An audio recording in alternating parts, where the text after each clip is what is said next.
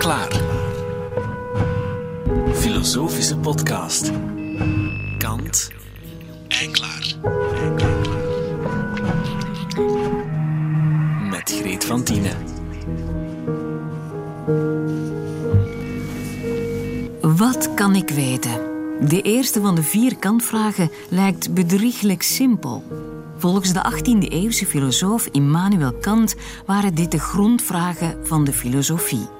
Wat moet ik doen? Wat mag ik hopen? En wat is de mens? Een van die vragen leggen we telkens voor aan filosofen en andere denkers. Deze keer een Britse wiskundige met filosofische neigingen. My name's Marcus de Sotoy, and I'm a professor of mathematics and the professor for the public understanding of science at the University of Oxford. Maar eerst die eerste vraag dus. Wat moeten we daarmee? Tja, wat zou je kunnen weten? Dat wij, net als alle aardse wezens, geboren worden en op een dag zullen sterven, tja, dat weten we wel zeker. Maar wat nog? Dat rekensommen kloppen en dat wat je ziet hopelijk waar is. Maar we weten ook dat we bedrogen worden door onze zintuigen af en toe. We worden nu eenmaal mee bepaald door wat en hoe we waarnemen. Wiskundige en Oxford-professor Marcus Dussotoy stelt zich voortdurend die vraag naar de grondslagen van kennis. Onlangs nog in zijn boek Wat we niet kunnen weten, waarin hij op onderzoek gaat langs de randen van onze kennis. To know seems to be something very basic, but I'm interested, well, science seems to know a lot, but what are the limitations that our senses and our analysis through our mind may never know? Dussotoy is bovendien een soort wetenschapsmissionaris, of zoals het officieel heet, hoogleraar wetenschapspopularisatie. Een positie die hij erfde van zijn voorganger en opperatheïst Richard Dawkins, die heel wat deining veroorzaakte met zijn radicale boek The God Delusion, of God als misvatting. Many of you probably subscribe to our polite cultural belief that we should respect religion. But I also suspect that a fair number of those secretly despise religion as much as I do. if you're one of them, I'm asking you to stop being polite, come out and say so. Let's all stop being so damned respectful. Du Sautoy vindt radicalisme niet zo interessant. Zijn vertrekpunt is eeuwige verwondering. Hij is onwetenschappelijk blij met mysteries. There are so many things that are still mysterious to us. Thank God. I mean, or, or thank science, thank mathematics, yes. Uh, Can you imagine everything being solved? I, I think life would be um, very boring if we knew everything. So, uh, you know, the unknown is certainly the lifeblood of science and mathematics. Uh, when you're going into the unknown, you have to come up with new ideas, new creative, um, crazy ideas. Um, and so I think a combination of being very um, logical and analytical and critical, self critical, needs to be combined with a kind of almost crazy um, uh, mindset to be able to im- imagine the unimaginable. Je moet als wetenschapper over een vreemde en wat getikte verbeelding beschikken om je het onvoorstelbare toch te kunnen voorstellen. Enkele van de vragen die Dussotoy opwerpt. Is het universum eindig of oneindig? En hoe kunnen we daar in godsnaam achterkomen als we zelf eindige wezens zijn? Is onze tijdsbeleving misschien een illusie? En wat was er voor de oerknal? Niets of iets? Of een andere oerknal? En vooral een van de grote onbekende, waarom is er dan iets en niet eerder niets?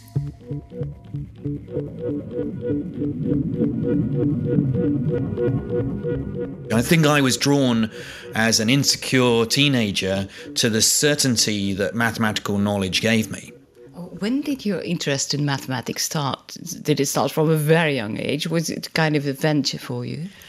Actually, quite a late age. I think um, people must expect that all mathematicians were child prodigies, um, and that's certainly not the case with me. I uh, wasn't particularly interested in multiplication tables and um, uh, things. It was really only when we got to really interesting stories of mathematics. When I was about 12, 13, my maths teacher at my school I recognized that I was enjoying abstract thinking and knew that this world of mathematics would be a fun place for me to spend my life. And uh, I'm very thankful for him uh, having uh, spotted that um, the kind of love that I have for the abstract world.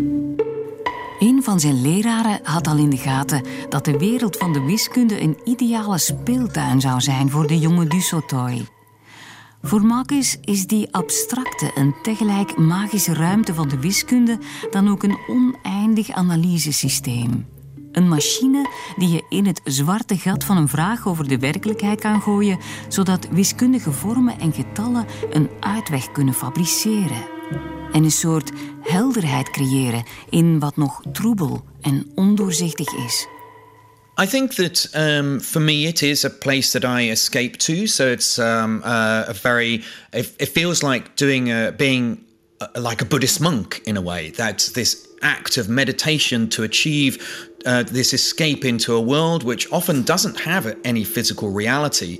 So I spend my time, for example, uh, creating symmetrical shapes in very high dimensional space.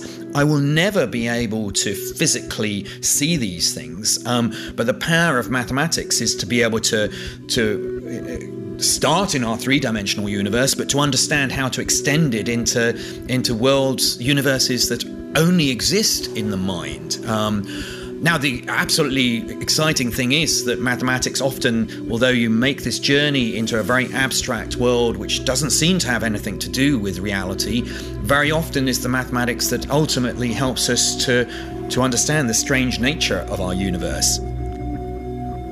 Je verbeeldt je als wiskundige hoe iets in elkaar zou kunnen zitten. Ook al is het een totaal abstracte wereld van vormen, golven en getallen, toch lijken die wiskundige uitkomsten iets te zeggen over de vreemdheid van het universum. Meer zelfs. Hoe dieper we in het universum doordringen, hoe meer wiskunde we tegenkomen, zegt Marcus. But for me, one of the most uh, extraordinary things is why is there so much mathematics hiding across the whole universe? Why is there such mathematical structure um, underpinning so many different bits of the universe, the way particles work, um, the way the geometry of the universe works. And I think uh, it was one of the conclusions of the book. Um, there's a kind of theological strand in the book, which is, um, you know, the idea of things which might transcend us, uh, our knowledge um, that humans may never understand. Maybe that's what we should be calling um, God. Um, and actually, I quote a theologian in Oxford, um, Herbert McCabe, um, who said in an essay, um, to state the existence of God is to say that there is an unanswered question about the universe. En plots komen we bij God uit, of liever bij wat we God zouden kunnen noemen. Hoe kunnen we het goddelijke begrijpen? Staat God voor wat we niet kunnen weten? God als de gaten in de Emmentaler kaas van onze kennis? Dat allemaal, maar Marcus gaat nog verder. Mathematics for me is something that never needed creating. It's something that is outside of time. So although people sort of joke, oh, well, God must have been a mathematician if we see so much mathematics, I think I would turn that on its head and say, no, actually, I think mathematics is the God that we're all after. Mathematics has always been there, and maybe our universe is actually a physicalized piece of mathematics. And that's why we're seeing. That's why we're seeing so much mathematics bubbling underneath it. And is that the belief or a knowledge? or a, or a question mark? Well, I think that. Um, uh, yes, I think it's a, a, challenge. I'm issuing a challenge to philosophers, theologians, scientists. Volgens Marcus is de wiskunde die we overal zien opborrelen onder de dingen de godheid die we altijd al zochten. Dus gek genoeg heeft hij op een bepaalde manier aangetoond dat God bestaat. De wereld van de wiskunde staat namelijk buiten de tijd, was er altijd al. Misschien is het universum opgetrokken uit wiskundige structuren, zegt hij. Het universum als een enorme, resonerende doos, oneindig of niet, waarin de wiskunde zijn werk doet en de dingen vormgeeft. Om zoiets uit te vinden heb je al een flink zelfbewustzijn nodig. We will need to know as the decades go on whether our computers actually are achieving consciousness. Because if they do, that might mean they need rights. It might mean that we need to understand how it feels like to be a computer. And we cannot switch them off then. Well, that will be the question. I mean, we're already encountering this with consciousness in animals. Uh, we're trying to understand um, the level of consciousness, and this will uh, play into kind of moral, ethical decisions. En dat is nog zo'n eeuwige vraag. Wat is dat voor een raar verschijnsel, dat bewustzijn van ons? Zullen we ooit kunnen weten of een computer bewustzijn heeft? En hoe een zogezegd bewuste machine de dingen begrijpt? We kunnen niet eens in elkaars hoofd kijken, dus zeker niet in dat van een robot. I think that these current experiments could give us some test of whether um, whether something like my iPhone suddenly starts saying, you know, iPhone think, therefore iPhone am, you know. iPhone think, therefore iPhone am. If it's if it does that, you know, should we um, uh, treat it differently? Um, but I I still am sympathetic to um, you know those hardcore philosophers, you know, who say, you know, the, well, the, the hard problem of consciousness is by its nature a protected problem because you can produce all the correlates of consciousness. So you can say, well, you probably need all of these things for it to be conscious.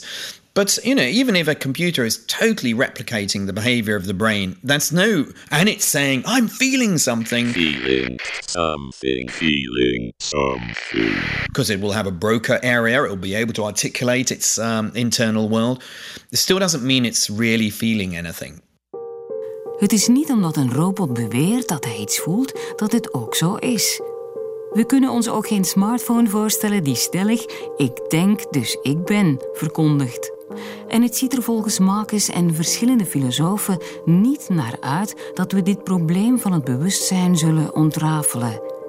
Hoe kunnen we echt kijken naar onszelf als we gevangen zitten in ons eigen hoofd en vervolgens als we beperkt zijn tot de grenzen van ons universum? Bovendien deint dat universum alsmaar sneller uit, zodat we ooit de indruk zullen hebben dat we helemaal alleen rondzweven in een lege en donkere kosmos. Of zoals Dussotoy het formuleert, een stip in een universum vol met niets. That the universe is expanding. And it's not only expanding, it's accelerating it in its expansion. And rather frighteningly, um, the expansion is pushing things over our cosmic horizon faster than it's growing. So, weirdly, rather than gaining more information, we're losing information as we sit here. And we will arrive at a point in the future where all of the galaxies, except our, you know, we're in our own Milky Way galaxy. We know because we can see with a telescope other galaxies out there. But there will come a point when all of these galaxies have been pushed over our cosmic horizon, and we will reach a point that if we'd uh, I mean, this is very interesting in relation to what we can know because it's um, quite important at what point in the universe's history we evolved. Because um, if we had evolved as a species, um, uh, you know, many millions of years hence, we will look out and we will think that we're a Milky Way surrounded by a void. We will not see the other galaxies, and there's no way that we can know about them. Die kijk op de mens als onbeduidende stip in een geheimzinnig universum vol zwarte gaten, donkere materie en verre sterrenstelsels relativeert de dwanggedachte dat we alles zouden kunnen weten. Dat is tegelijk een filosofische en een diep wetenschappelijke houding. De nederigheid behouden om toe te geven dat er grenzen zijn aan het weten en tegelijk verwonderd blijven en nieuwsgierig je fantasie inzetten om rare verhalen te verzinnen die misschien ooit waar blijken te zijn. durven verdwijnen in de konijnenpijp naar het onbekende, zoals Alice in Wonderland. My, what a peculiar place to have a party. You know, Dino, we really shouldn't be doing this. After all, curiosity often leads to trouble.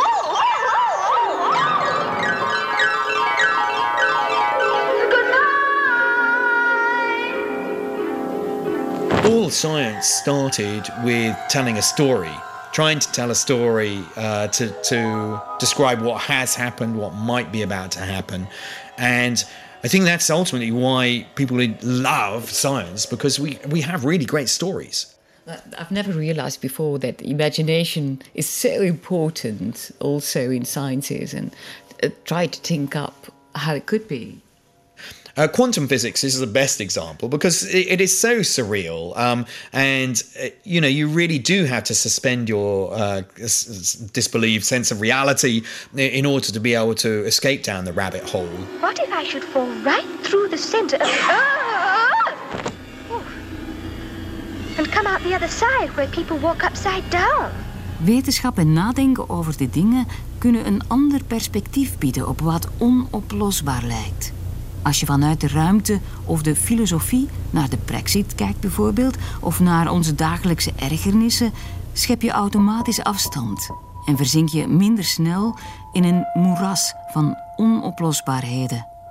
We get very bogged down in our local politics, um, and, and you know we're in a very wild time at the moment, and it can seem very uh, depressing that we seem to be going backwards rather than forwards in kind of uh, politics. I feel. Uh, I think that science gives you a bit of a perspective on um, how localized these problems are. And I think uh, understanding the nature of the universe, that we are a very small planet in a one galaxy of many million billion of these things um, that uh, you know the the nature of time um, just this is a small blip on the whole uh, uh, sort of um, t- time from 13.8 billion years ago way into the future. Um, that can help give you a perspective. Um, although of course you know we, we have to deal with the the, the very local um, uh, and and what's happening to us now. But I think it, it sort of helps to to give a bit more of perspective. Um, I think one of the most exciting uh, things that may happen to us and maybe not in so far distant future is that we're going to understand that we're not alone. Wat zegt u? Kunt u dat nog eens herhalen, professor Dussotoy? we're going to understand that we're not alone Oké, dus volgens Marcus zullen we in een niet zo verre toekomst E.T. ontmoeten. Dat is een van de meest opwindende dingen die hij zich kan voorstellen. Maar wat zeg je tegen zo'n buitenaards wezen? How do you do? Home. E.T. Home phone.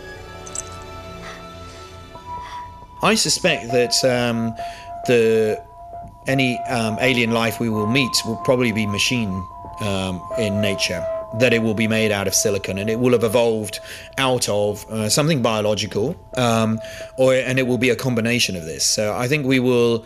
Uh, it's, it'd be very strange. Uh, we're such a small blip on the timeline of the universe, um, uh, humans, um, uh, that I think it'd be very extraordinary if we happened to meet alien life when they were at this ex- same exact moment. Um, so I think it'll be very, very different, and um, and I suspect it will be uh, machine based. And if I offer you the opportunity of saying something to one of those beings, what would you like to say or ask? Well, there's a challenge of how we will talk to these um, uh, this alien life force, and if you look at any science fiction novel. Uh, they often choose mathematics as the language um, uh, because that's something which seems to be universal.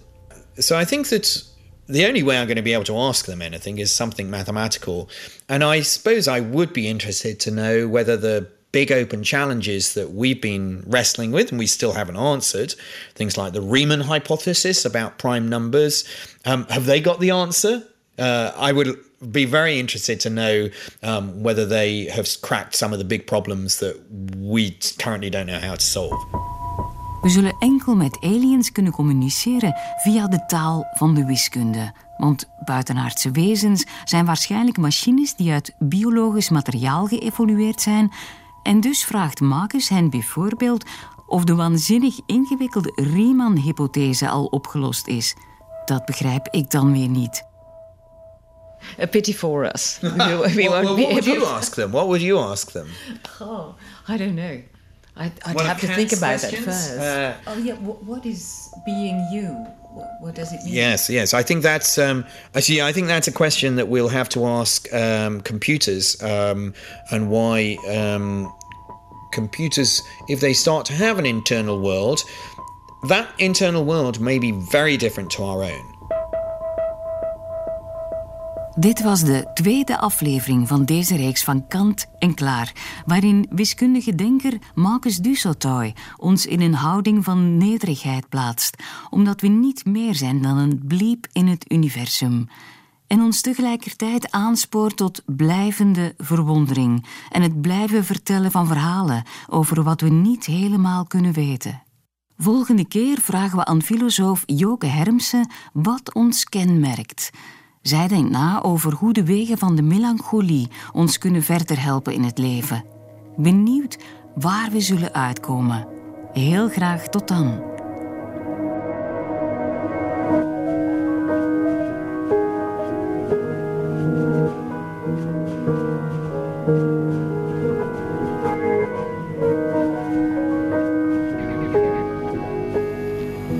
U luisterde naar Kant en Klaar. Een productie van Clara.